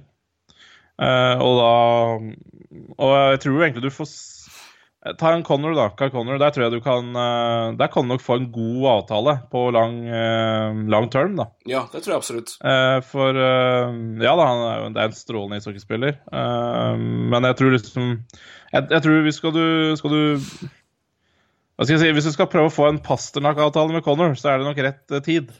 Ja, altså, Nick Ehlers Pasternak-avtale, det er jo ja, det er solid betaling for han. Ja. Og det, er, eh, og det er bra verdi allerede nå. Det kan være kjempeverdi om noen år. Jeg tror ikke Kyle Connor eh, Han er ikke noen åtte millioner dollar-spiller hos meg, i hvert fall. Men altså Ikke nå, men, Nei, han er jo det om noen år, men du må jo ja, i hvert fall hvis han bridger, så er han nok det. Ja. Men igjen, det men det er jo da kanskje Ja, men igjen, det blir, det blir spennende å se. Det er mange, det er mange å ta her. Og det er, men det er fryktelig mange RFA-spillere som skal signeres på eh, men, igjen, de, men de har jo tid gjennom sommeren, da. Men eh, det er nok mange som sitter og ser på hverandre og, og vil at noen på en måte gjør eh, Utover Matthew, selvfølgelig, for han skiller seg litt ut. I det, Ja, det blir liksom ikke i sammenlignbart. her. Så, men, eh, men det er nok mange som sitter og venter på å se hva er eh, hvem som gjør første trekk med å, å legge på en måte lista. For det er Ja, for- mange som er eh, Det er litt, mange som er litt vanskelig å, å, å, si. Og det blir veldig spennende å se hva Carolina gjør med Sebastian Aho. For det er jo Har de Han er jo åpenbar han, han må det jo beholde. Men altså, Carolina, Carolina er jo ikke et marked som er kjent for å betale ut enorme lønninger. Men uh, de har jo ikke noe valg her. Altså, han må, de må bare cashe ut for å beholde han. Eh, ja, og det gjør det nok Uh, gledelig også, men, uh, men det er også et lag som slår meg at hvis, hvis de mottar et sitt, så Eller ikke, ikke Ja, jeg skjønner meg altså Hvis det kom et offerskitt på Sebastian Aho, uh, så eh, så veit man aldri hva det laget finner på. For det, det, det er sånn eh, litt vanskelig, vanskelig å spå, alt som skjer i Carolina, egentlig. Det kan være alt mulig. Uh, men, men det er klart, nå går vi jo helt over sitt Bonanza her, men Bonanza heter det vel. Og Matthew Tutchuk eh, er jo interessant. Mm. Og det er klart, jeg tror du har rett også med De sitter nok og venter på hverandre. Uh, Verensky skal vel ha ny kontrakt? Verensky skal ha det, Provorov skal ha det. Um, Ja. Ja. Det er eh, flere skal Truba, som sagt. Cody Ceesay er erfa. ja. Det blir spennende å se hva som skjer med han i det hele tatt. Om han trades nå eller ikke. Sa dere Eh, Så, ja, ja, nei, Sam, det Sam Bennett jo, skal ha det også i Calgary. Det er også et fryktelig spennende tilfelle. Han er jo det, det er jo Han snakka vi jo mye om tidligere når vi snakka om Calgary. Mm. Um, ja, det er, det er mange. Det er veldig mange, mange RFA-er her, og det er, det er mange i, i høy, høy klasse. Og så er det ja, noen- Men av den trenden som har vært nå med at mange av de gutta her nå går i rett ut i dyre kontrakter, så er det veldig spennende å se hva, hva de går inn og krever, og hva lagene er villige til å gi. For de, de foreløpige standardene vi har fått, det er jo Nylander og, og, og Matthews. Matthews skiller seg jo veldig ut der. Og Nylander er jo også et, eh, et eksepsjonelt talent. Men det er nok mer sammenlignbart det enn for mange her. Så at mange havner i Nylander-land, tror jeg nok er uh, eh, mer, mer rimelig å, å forvente for mange, i hvert fall. Ja, øh, også, ja, ja, absolutt. Alt også avhenger selvfølgelig av uh, antall år. Uh, men jeg tenker jo det er jo mange av de spillerne her bør jo sikte seg uh, Om ikke like mye som Nylander, så høyere, vet du. Det er, det er mye bra spillere. Aho nevnte du. Matthew Tachak tror jeg Ja, altså han kommer til å ha en så stor rolle i Calgary de neste åtte åra uansett, så det er vel bare å få signert. Um, Rantan blir veldig spennende, altså. ja. Rett og slett pga. den lønna som Nathan McKinnon har. Ja, det, det, det, det, er jo det, er jo, det, er jo, det, det blir fascinerende, faktisk. Eh, for hvis du hva, hva ville du betalt for Antan nå? Åtte Åtte er det jeg lander på. Ja. Åtte pluss, altså rundt, rundt der, ja. Og det er klart, det, det, det er blytungt, altså. For altså, det her Jeg bare tenker uh, Hva har McInn? Seks? Seks og en halv, tror jeg. Seks og en halv, ja. Ja, 6,3. Eh, og det er klart, eh, det, er, det er nok eh, Har det lenge. Han har det til 2023, har han ikke det? Jo 2023. 2023, ja. Det er en nydelig kontrakt. Ja. Det er klart. Ja, alfahannen i det laget der eh, skal, skal tjene nest, ja, kanskje to millioner mindre enn Rantan. Mm. Men det er jo sånn det det, det går, det Det går er jo på sånn timingen når man signerer. Da. Det var jo derfor Ja, er- Nylander var så gira på å få, få hvert fall sin avtale og sørge for at den ble liksom ålreit for igjen, så ikke han kom tidlig da og signerte ut ifra det tidligere markedet, og så kommer, kommer Matthews og Marner og legger standarden for det nye, nye nivået på unge spillere. Så Ja, for du har jo McInn, du, du har Scheifel, du har uh, Monahan, du har eh, Barkov i litt samme land, egentlig. ja. Pasternak, rundt, eh, Ealers, pa- ja. de gutta der. Det er, det, er liksom, det er mange spillere, men det er også mange spillere som kommer til å se at uh, andre går forbi seg på, på Mm. selv om de er jævlig gode. Og det er klart det Men igjen, det er jo en del av det kan cap-verden nå at capen går opp, da. Ja, ja, absolutt. Men det her gjør jo noe med Men det har vi jo egentlig allerede snakka om i podkasten her, om dynamikken i nye kontrakter. Eh, Mm. For det, det kommer til å skje ting. Eh, men det kommer også til å skje ting i lagene her, for det er klart det Det er jo eh, Det er ikke så moro når du er stjernespilleren til laget og tjener et par millioner mindre enn andre. Altså Jeg sier ikke at det er nødvendigvis et problem i alle lag, men altså, det kan være et problem. Ja. Men Det er jo det er vinnerskaller, og de skal, de skal, de skal tjene pengene sine. Det skal de absolutt. Så, men jeg tror Ja. også det er et eh, Du vet vel hva det er Men det, hvis du ser sånn på det, så jo bedre de gutta som forhandler avtaler nå, gjør, eh, jo bedre er jo markedet når du skal reforhandle avtale om noen år fram i tid. Så mm, klart, egoistisk sett på kort sikt og din egen eh, følelse nå, så er det jo fint at de ikke tjener for mye, men Uh, man tenker langsiktig på det at du skal forhandle avtale igjen senere, så jo mer de pusher opp nå, jo mer tjener du når du skal ha avtale noen år ned nedover i rekka. Så det er klart det er flere måter å se det på.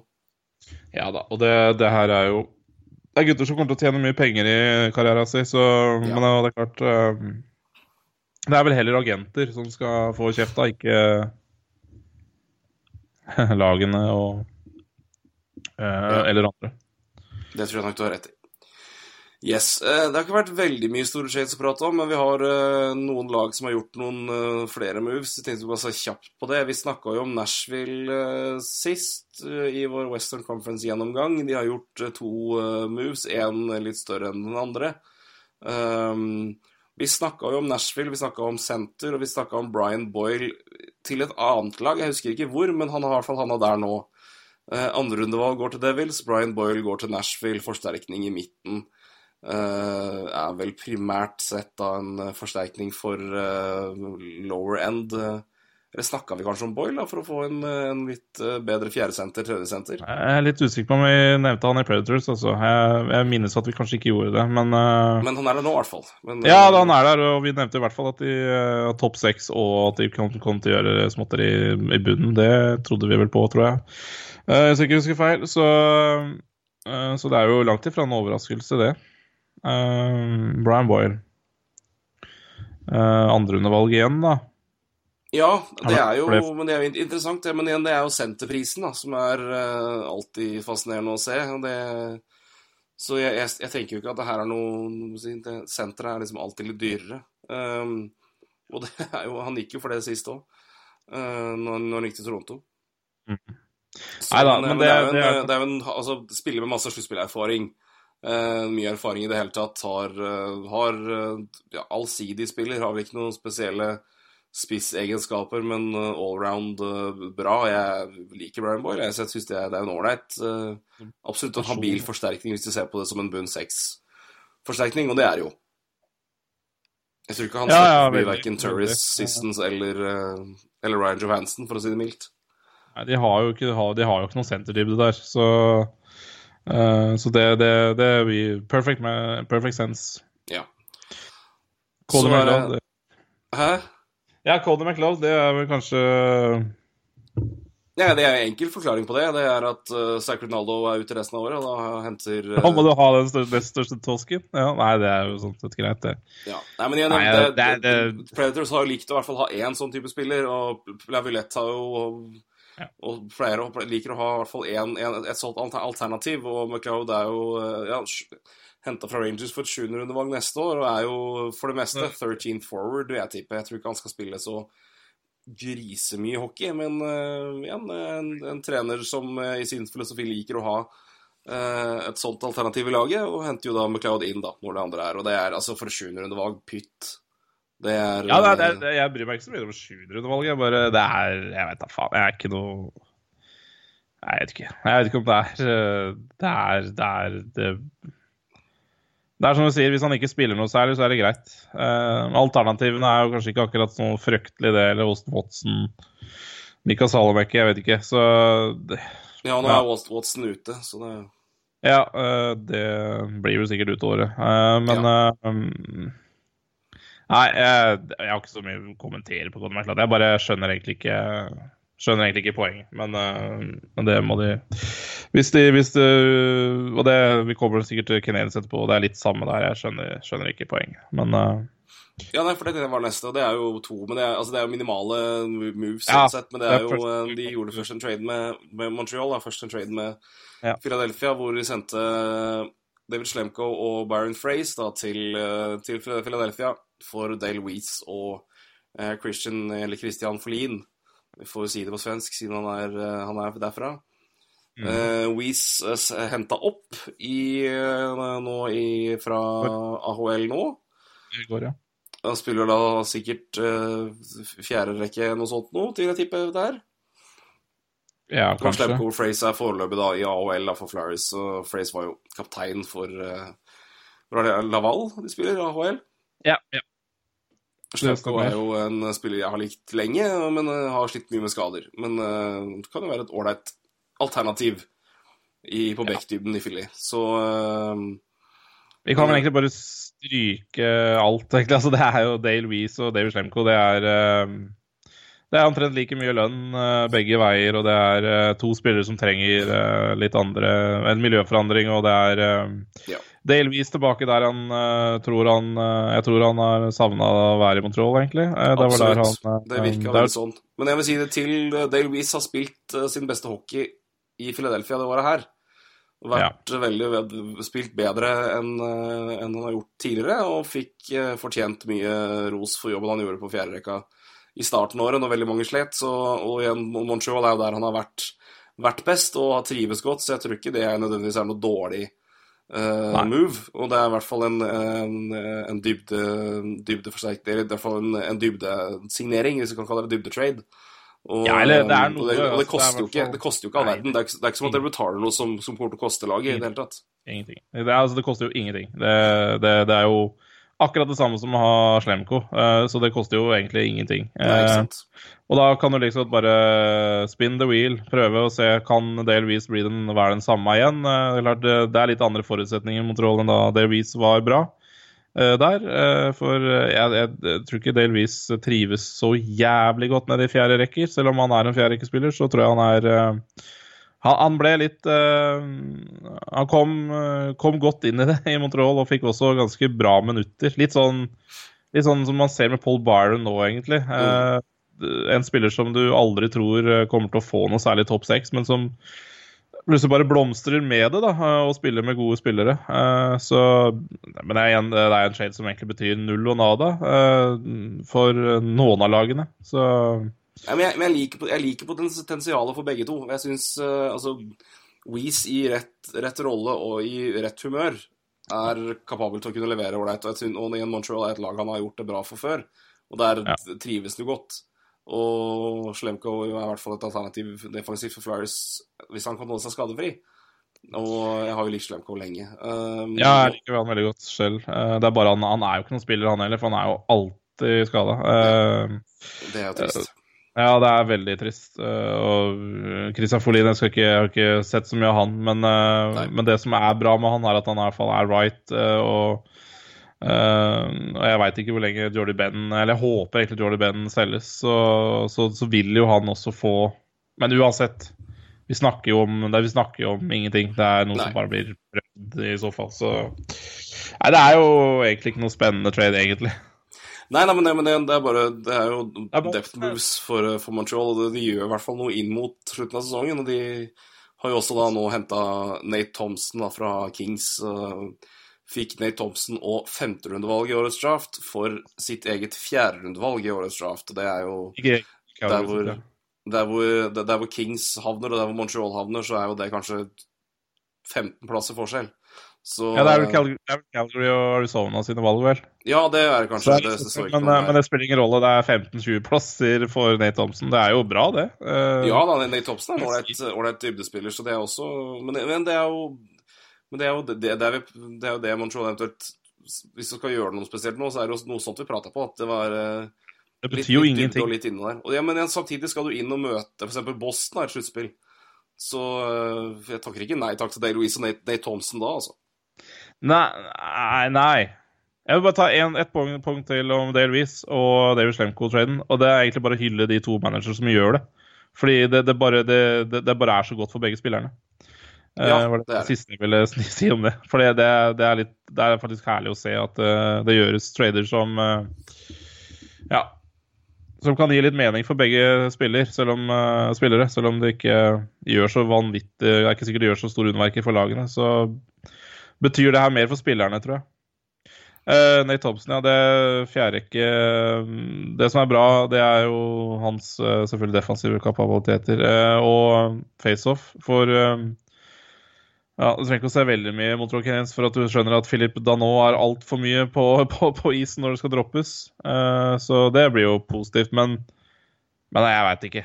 Det, det, altså, for meg så yeah du nevner Boston, men jeg vet ikke hvor mye de der gutta der får spille mot de gode uansett. Så det Ja, jeg veit ikke. Jeg, jeg, jeg, heller jo kanskje mot å ha mer fart, jeg, men, eh, men det, det, er, det, det, er, uansett Det her er jo uh, Claude Julien da, oppi uh, uh, Det er jo hans verk å ha en sånn fjerderekke. Mm. det er jo ikke uten grunn at uh, Kenes henta det de gjorde uh, når han ble ansatt. Altså Steve Ott Andreas Martinsen og DJ King. Ja, King. Så, så, det er jo helt etter boka uh, for Julien der. Og det, det, det, det, koster jo ingenting. Det er 15-20 plasser. Nei, ingenting. Det er jo ingenting. Ingenting. Så de i hvert fall lager litt mer alternativer, og du som sier det har ikke kosta dere en puck. Så det er jo uh, sånn sett så er det greit. Ja, og det, er, akkurat, det er egentlig akkurat sånn jeg vil ha det. Ja. Hvis det ikke er noe større mening for framtida, selvfølgelig. Yes. Ja. Vi skal ta et lite stopp innom uh, keeperframtiden i NHL. Det er to spillere tenkte vi skulle prate om. Uh, den ene som har hatt en uh, lang, lang, rekke med gode kamper, og den andre som fikk et blytungt møte med NHL. vi får begynne med det, det bra først. Mm. Carter Hart tapte i natt etter en jævlig rar kamp mot Philadelphia, hvor Matt Murray hadde 50 redninger. Ja. og Penguins vant 4-1. Eh, eh, Carter Hart slapp tre mål inn på 28 skudd, var det vel. Men hadde da før det eh, en rekke på ni seire på rad. Mm. og har så langt i år, da, så er det 18 kamper i NHL, 11 seire og 92,4 redningsprosent. 20 år gammel. Ja, litt, merkelig mål, litt merkelig mål imot òg i natt, men, i, hvert fall, det første. Men men uh, det er ikke så forbanna farlig, egentlig. Men uh, en uh, utrolig start for en så ung keeper. og jeg, ja. er, jeg, jeg, er glad, for å si det mildt. Og egentlig Ja, nei, litt glad for måten det skjedde på. Ja, jeg har faktisk sett, eh, sett litt Flyers i det siste sjøl. De har hatt mye gode kamper på vett og tid. Eh, så jeg har jo sett en, faktisk sett en del Carter Hart. Ja, det er bare Én ting er uh, Ja, tallene viser for så vidt at han er bra, men jeg, jeg bare eh, Han ser så bra ut. Ja, det jeg gjør det. Det er liksom og så er det veldig sånn eh, det, blir jo klisjeer, vet du, men det er 20 år gammel og ser egentlig trygg og god ut. Han plasserer seg bra. eh, han er aldri ute i noe særlig trøbbel. Altså, eh, det ser veldig trygt ut, da. så så er veldig imponert over Carter Harts start, da. Eh, så det er jo åpenbart noen ting altså det, det jeg har sett ved han, som er sånn det kan han bli bedre på over, over tid, det er returkontroll. I hvert fall var det i starten. Jeg har ikke tenkt så mye på det siste kampen jeg har sett. Men det som for meg er så ekstremt imponerende, med han med tanke på at han er 20 år og keeper, er altså hvor, hvor trygg han virker, hvor god han har vært på posisjonering, og også hvor det virker så, han- virker så kald og rolig, men det virker også sånn effortlessly. da. Det er så mye redninger som jeg tenker liksom som, eh, som Når det skjer, så er det sånn Det så mye lettere ut enn det burde gjøre. Og det her uten sammenligning for øvrig. Men litt det, altså, men I en mye mindre skala, men litt samme følelsen jeg har når du ser Keri Price i virkelig flyten. At det er sånn Det ser så bare metodisk og naturlig ut, da. Litt den feelingen har jeg hatt med Carter Hart, men, men bare igjen med, med en mye mindre Ja, skala, ja. selvfølgelig. Men, men det er så jævlig sterkt, og er at det skjer såpass tidlig, da. Nei, jeg, jeg er helt enig. Jeg, det var vanvittig imponerende start, og det jeg har sett, er eh, ja, Det er rått å se av en 20-åring eh, med, med ikke altfor mye erfaring fra annet enn junior, da. Eh, Nei, for det, det, er, det, er, AHL det- først. ja, ja, det er jo det er egentlig helt vilt. så Så gjenstår å se. Keepere er jo Ja, det er fryktelig Det er fryktelig folk og små også. Det er eh, Yes! Nei, jeg bare, men det er klart, her er det Det er det, men det har vi jo Vi har jo vært eh, alle enige om at eh, Hart er en av de største talentene i keeperverdenen, så Så det er jo gledelig at, at det ser ut som det At det er noe der også.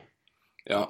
Men jeg synes også at måten han kom opp på For han var jo, det var jo snakk om før sesongen, Ja. i hvert fall noen gjorde det, at det var mulig at han skulle starte sangen oppe, og det, jeg syns det var helt løyelig å tenke på, egentlig. For jeg, det, det- er det en Altså, det er klart at noen, noen spillere er eksepsjonelle og unngår ting, men overgangen fra junior til proff som keeper er så stor, og, det, og du, du trenger tid for å, å modnes, og det var jo Hart var bra i, i preseason og training camp, men han begynte i AHL, og det var jo åpenbart at han trengte tid for å justere om eh, altså det mekaniske. Han trengte tid for å venne seg til tempo. Han begynte jo ikke bra i AHL i det hele tatt, men han, han, han kom seg veldig på slutten og begynte å spille bedre og bedre. Og det var jo under Scott Gordon, uh, som nå er fungerende trener. Scott Gordon var jo trener i, i Lehigh, uh, Lehigh Valley eller, i, før han tok over da som interim etter at Hackstall ble sparka. Um, og jeg tror måten han kom opp på altså det, var, det var ikke at han ble kalt opp fordi nå, har du, nå skal du vise hva du er god for. Det var rett og slett vi er Hei, vi har ingen keeper igjen. Uh, og, og, igjen, og det, men det er samme situasjon som vi skal snakke om litt senere med, med Michael Di Pietro. Men igjen, han hadde spilt AHL. Uh, og laget var i en situasjon hvor de, måte, de var fullstendig ute og ingenting. Det var, det var liksom ingenting. Det var, det var null press, omtrent. Det var ikke noe Så, og- så da, da var det jeg, jeg, i hvert fall, jeg hadde i hvert fall tanken på at det, det var en, en behagelig et behagelig scenario å komme opp og i hvert fall bli introdusert på. Og så har han jo gjort det bedre og bedre og blitt mer og mer komfortabel. Men eh, nei, det er utrolig moro å se. eh, utrolig imponerende å se. Og en ting er å si tallene, men det er bare det å se Se han i mål, og se hvor, hvor eh, ja, bare hvor, hvor poised han er. Jeg kan ikke komme på noe godt norsk ord. Men bare han, er, han virker så rolig, komfortabel og i kontroll, da. Det er eh, jeg, jeg, Returkontroll er noe jeg har tenkt på når jeg har sett tidligere, men eh, mindre og mindre. Og det er langt ifra ferdig produkt, altså. Men eh, Nei, nei. utrolig eh, sterkt eh, og veldig god start. Og hadde jo da ni seire på Ja. som var tangering da av det beste NHL-rekord eh, for keeper keepere under 21, sammen med Jockelyn Thibault for øvrig, som hadde det i eh, Quebec Nordiques. Mm. som Nei, det er klart ble også- tradet til Montreal for Patrick Roy et år etterpå. Ja. Uh, nei, men eh, du treffer jo bra der. Og det, men det er klart, han kom jo inn også med noe eh, vanvittig hotstreak for Philadelphia her også. Jeg måtte bare, for det det, det er jo bare kom til å tenke på For Flyers har jo gjort det bra i det siste. Mm. Og eh, hva skal jeg si, eh, det er jo mange som forventer at det, eh, det kommer til å roe seg ganske bra. Jeg bare sjekka ja, eh, skuddprosent og redningsprosent og PDO egentlig for så vidt siden 1. januar, Så det er i fem mot fem. Og det mm, ser ikke så ille ut altså for Philadelphia. De har for øvrig femte beste redningsprosenten i fem, i fem mot fem da, i, siden 1. januar. Ja, det er en ganske stor forskjell fra tidligere på året, hvor det var kun Det er- Brian. Elliot som var over ni- 900, tror jeg. Så, eller 90, så det var eh, Det er annen verden, men de Det har, også, verden.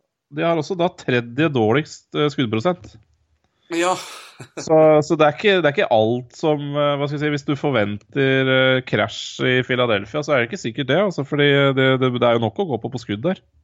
Ja, nei, vi har jo det hatt, jo- det, var jo Powerplay i noen kamper som var ekstremt sterkt i januar. I hvert fall de henta jo inn Edmonton på de, ja, de lå under var det, ja, de lå under 2 2-0, 3-1 og 4-2, og alle fire måla i i, eh, i regular, vet dere. I, si, I kampen før overtime var jo Powerplay-mål. Mm. Så, men eh, Nei, men det er, det er ikke det, det er på langt nær alt som er perfekt der ennå. Det er mange av de kampene i den pointstreaken de har hatt nå, hvor de har blitt grundig uh, outshot og vært det klart dårligste laget, og allikevel vunnet fordi Stolars og eh, Hart har stått på huet. Men eh, hadde det jo motsatt nå, da, hvor de banka Penguins i skuddstatistikk og hadde 28 skudd i andre periode. Uh, uten at det var et, et tellende mål. Det var jo et mål som burde blitt målet der for de som har sett kampen, men Mm. det var en avblåsning for puck i hanske. Pucken var aldri i nærheten av hansken, så da ble jo det målet annullert. Uh, Ja. Noe av det verste jeg har sett, faktisk. Men, men ja, men, men så, sånn skjer. Men, Apropos... nei, men det har, vært en, det har vært en utrolig, utrolig start, og er jo eh, med, med rette nå med i en Calder-diskusjon. Uh, skal vel mye eh, til å, å ta den fra Elias Petterson, uh, dersom ikke det skjer noe veldig dramatisk. Men uh, han er Ja, no, no, nominasjon, eh, i hvert fall. Det bør ja. jo i hvert fall være i nærheten. Ja, ja, ja. ja. Ja, absolutt. Ja. Eh, eh, Men uh, Ja. tenkte bare å nevne noe litt andre enden av skalaen i, i Velkommen til NHL-treff. Så var det jo, nevnte jo Michael Di Pietro. Han hadde sin første kamp i natt. Ble kalt opp som emergency call-up pga. skader fra OHL. Mm. Litt, litt annet å hoppe det enn Carter Hart fra AHL. De har jo ikke keepere i Vancouver nå, rett og slett. Det, var, Nei, eh, det- de bytta vekk er Anders. Nilsson for McKenna for eh, å gi plass til Demko eh, på NHL-laget. Demko er skada. McKenna ble plukka på Wavers, som sagt. Richard Bachman, som er AHL-keeper, ble skada. Og nå er også Markstrøm skada. Og uh, Di Pietro ble kalt opp som nød, nødkeeper og uh, slapp inn mål på sitt første skudd. Slapp inn tre på de fem første, og Vancouver tapte 7-2. Ja, det er jo blytungt, det. Jeg så intervju med, med Joe Thornton etter kampen. Thornton som da for øvrig i natt passerte Gordie Howe Mm. på lista Det- over all time assist leaders i NHL. Ligger nå på niendeplass.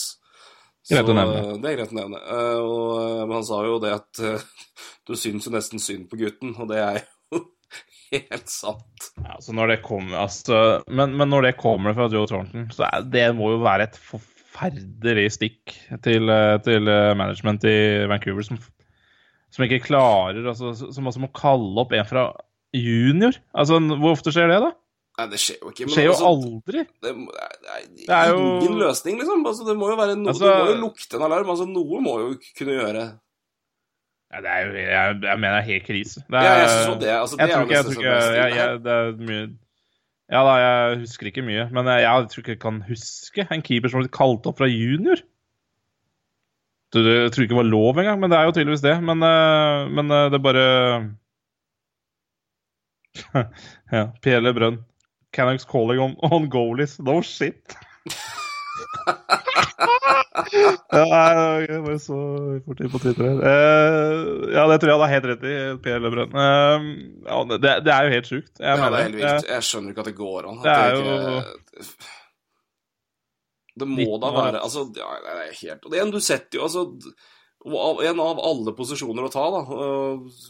et Stort talent som det der, der, som de håper å skal bli noe, og så er det liksom det Første møte med, med NHL, det er jo det La oss håpe at ikke det setter seg i skallen på den, da. Men Eh, det, det bør nok ikke gjøre det, men det er klart bare bare risken i seg sjøl er nok til å ikke gjøre det. Ja, du, og du veit jo aldri med keepere. Det er fryktelig merkelig rase uh, i huet. Og, så nei, jeg får bare håpe det. Uh, det går nok bra. Det er jo en, eh, det er en solid talent, dette, så ja. Nei, men uansett eh, Det er forferdelig planlegging. Og når du veit at du, du har jo Altså, Vancouver det er ikke akkurat sånn at det er eh, noe bra lag fra før. Det er ikke sånn at eh, Nei, og hva, hva er det de har skada nå? Det er uh, ja, Jemko er skada, og uh, Markstrøm er skada, da, eller? Ja, og så er Bachmann, Bachmann, som er AHL-keeper, er også skada. Og så henta de de jo McKenna for å få han til AHL, og for å for de trada jo Anders Nilsson for å gi plass til Demko som backup-keeper. Men McKenna ble jo henta av Flyers på Wavers. Ja, det er jo bare der er det noe, noe som ikke uh... Altså, du bør ha, ha nok keepere i AHL og NHL til å til å kalle opp i hvert fall fire stykk, da. Yes. Men uh, nei. Nei, nei, men uh, ja. Stakkars Pe- Pietro. Og uh, ukas kaktus går vel til management til Canucks, da vel. ja. Jim. Benning kan selv opp til en ørken med alle de kaktusene han har fått av oss. Det, det, det er korrekt. Ja. Prøvde å skryte litt av han innimellom òg, men det, Ja. nei, det, det, det går rett ned på jorden. Apropos keepere. Uh, og jeg er jo på denne sale presenter siden, siden 1. januar. Uh, ja, jeg så du hadde laget en bit om det. Det er interessant. Ja, jeg bare ser på St. Louis Blues og Binnington. Eh, det har jo vært eh, fantastisk å se Blues eh, nå også, så Han var altså så god. Han, han debuterte vel mot Flyers, eller så var det kamp nummer to. mm. Han var altså så god mot Flyers. Og det var ikke bare at han redda Men hva var det de redningene han gjorde? Det var, det, han hadde han én redning på en deflection, som er en av de beste deflection saves jeg har sett i hele mitt liv. Og det var ikke flaks, liksom. Det var reaksjon. Det var helt vilt. Så han eh, Nei, at han har opprettholdt det og vært bra, det er eh, det er jo litt er- overraskende, men det er veldig moro. Og det er jo bra for Og det forklarer jo at uh, surgeon til St. Louis Blues, da, som nå brått er oppe på wildcard-plass Ja, men det er, det er så mange keepere som er gledelig å se nå. Altså, ja, én ting Det er ikke noe vits å nevne Care Price, det vet vi hva er, men altså Lenner, altså Islanders-situasjonen for så vidt. Ja.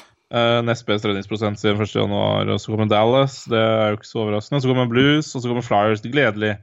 Uh, går man bitte litt lenger ned, Flames sin situasjon Det har også vært veldig uavklart med Eller uavklart, altså Rittich og sånn. Altså Blackhawk som uh, eh, Han derre Han de forlenga nå med han uh, Delia, eller hva han heter. Ja.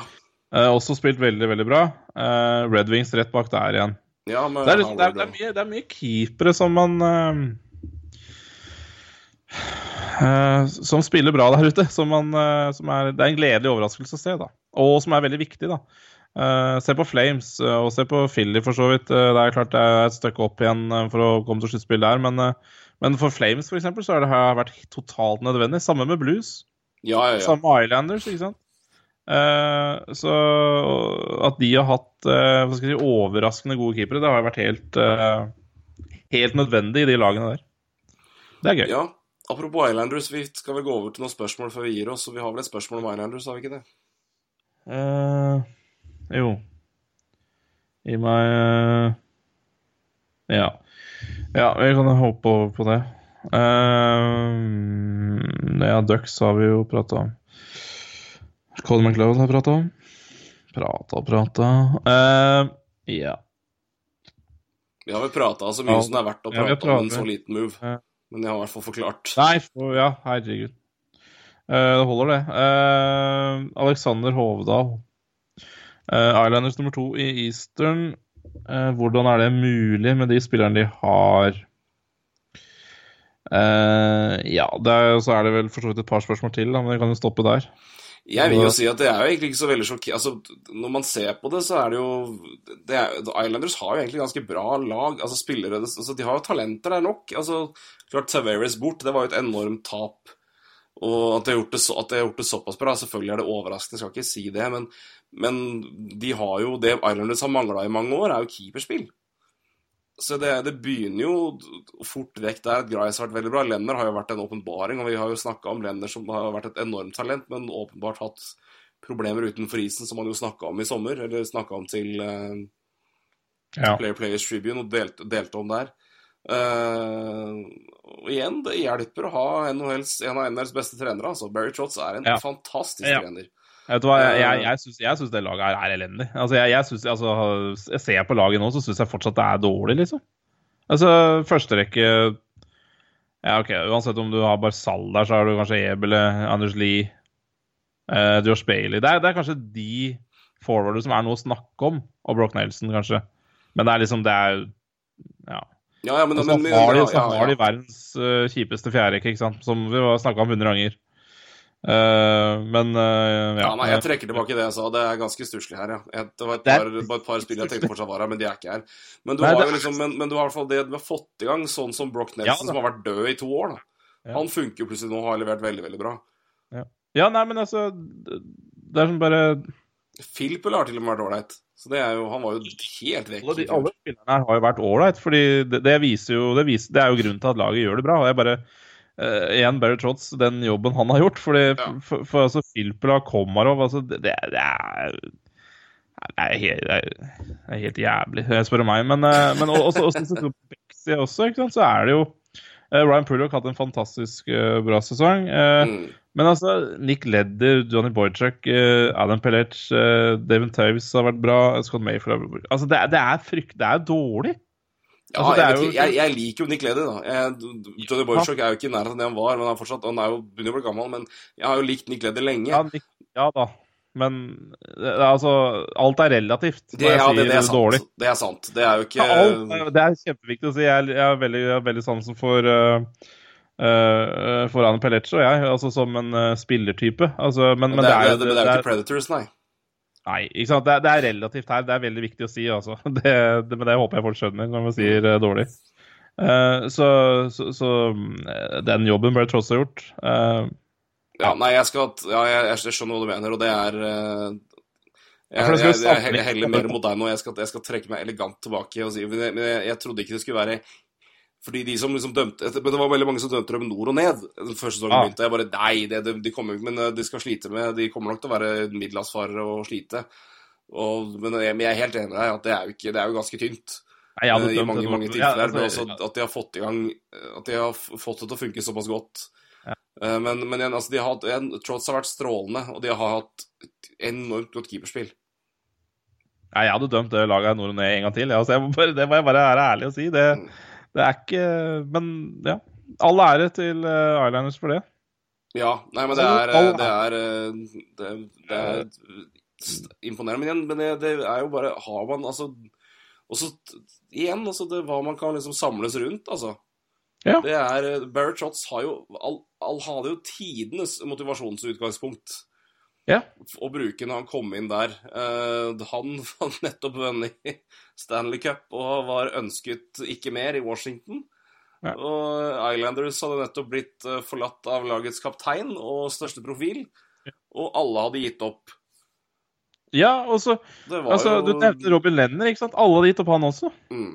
Og så, og så, så står han fram på den måten her. Det er årets uh, og- utgave av Vegas, det her.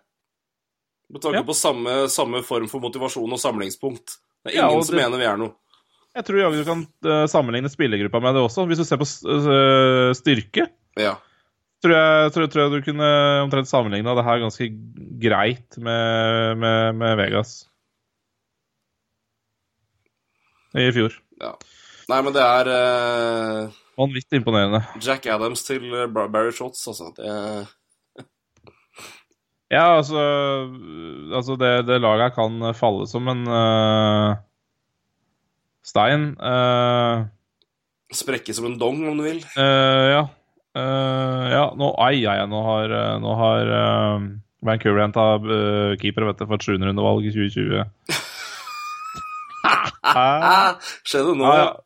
ja da. Marek Masarek, Masanek fra, fra New York Rangers.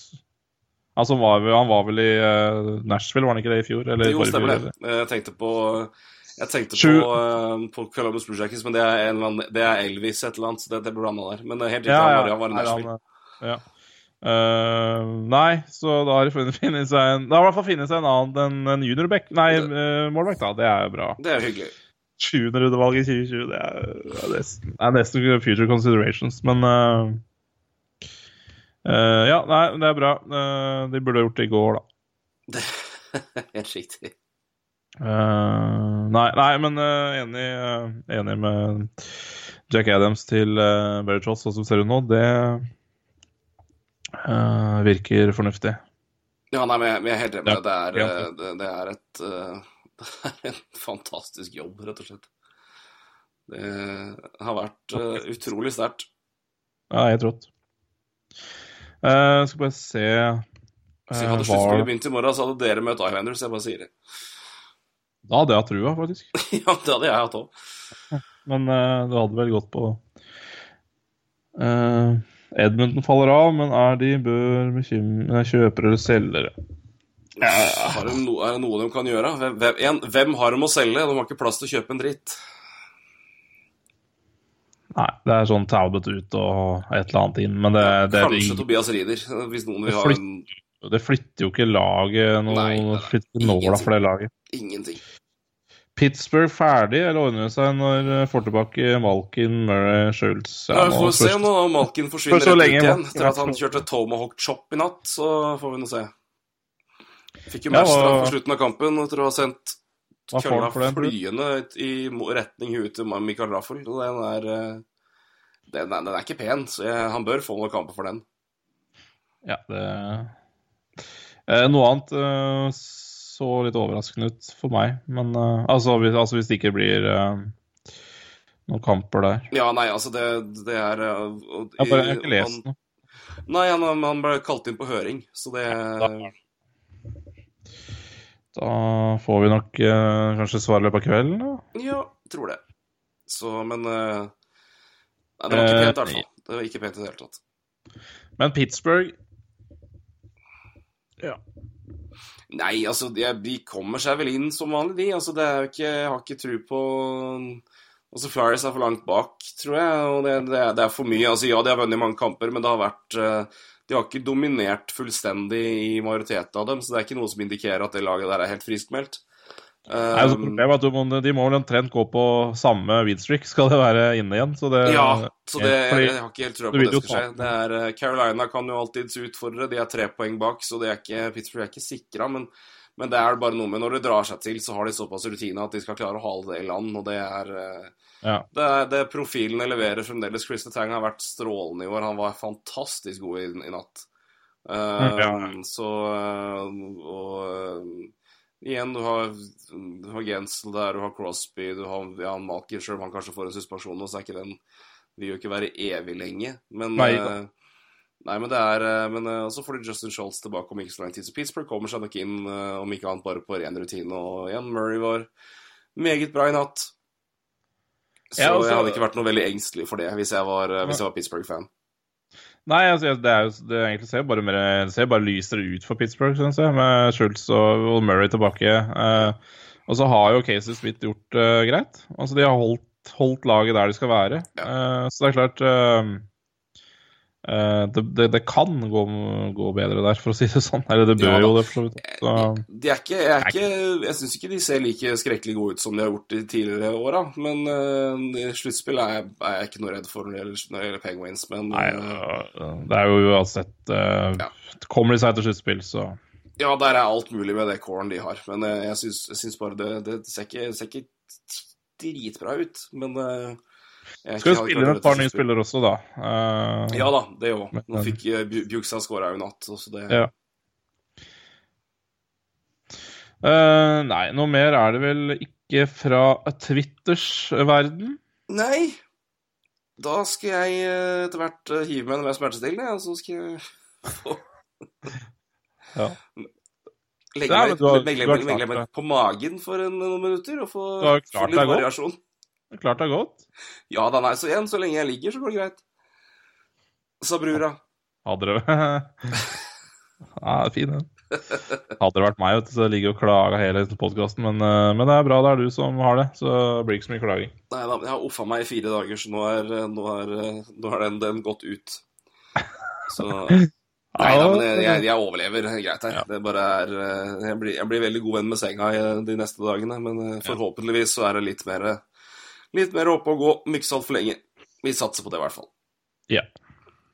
Men eh, da har vi hatt en liten gjennomgang av ting og tang. eh, Litt mer eh, nyheter og ting som skjer nå.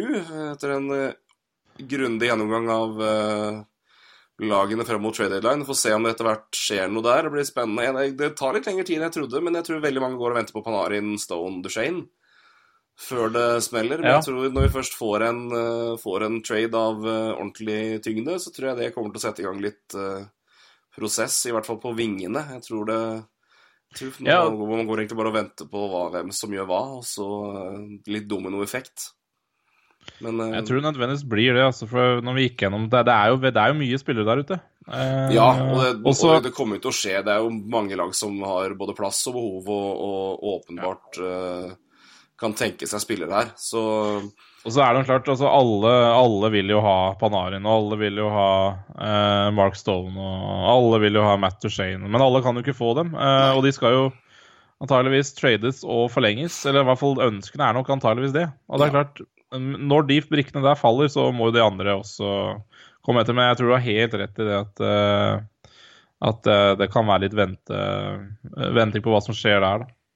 Ja, og jeg tror jo det er Eh. mye, det er mye som er eh, Det er, det er mye, som går på um, hva som skjer med de forskjellige spillerne der. Eh, Det må nok avklares en bit, men det, det er klart de lagene vil jo ha en Eller Ottawa spesielt, da. I Columbus er jo rimelig avklart. Men Ja. for Ottawa sin del så er det Det har vært fryktelig stille rundt Mark Stone. Er Sånn merkelig stille, som uh, Elliot Friedman sa. Det kan enten være veldig bra eller veldig dårlig. Det er sjelden noe midt imellom. Um, For Duchene sin del så er jo tilbudet er jo på bordet, visstnok, og det er han Ja, de snakker jo med hverandre, så Ja, og han trives visstnok godt i Ottawa, familien trives der, men så er vel det at uh, erkjennelsen med at om han signerer den, så er er det ikke snakk om at det blir noe cup der i hans prime. Så Nei. Jeg så forresten uh, Det er egentlig interessant uh, eh, Altså midt, altså midt i en kamp så kommer eh, Ottawa ut med en pressemelding om at eh, Nei, eh, om to-tre år, da skal vi satse. Jøsse navn. Ja, det er merkelig eh,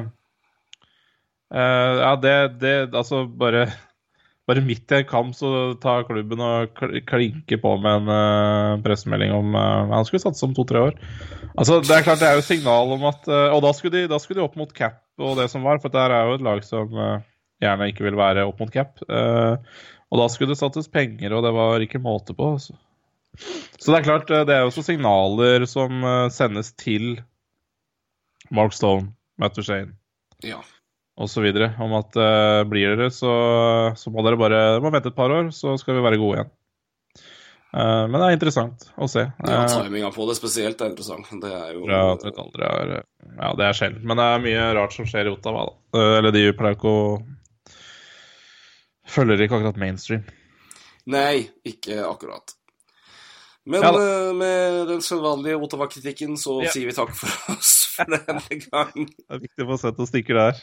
Ja, ikke sant. Det hører som regel, eh, hører som regel hjemme i en NHL-prat. Vi er tilbake om en ukes tid. Da har vi eh, forhåpentligvis kanskje noen trades å snakke om. Kanskje til og med vår egen Mats Zuccarello har fått ny klubb. Hvem vet? Men det finner vi ut av da.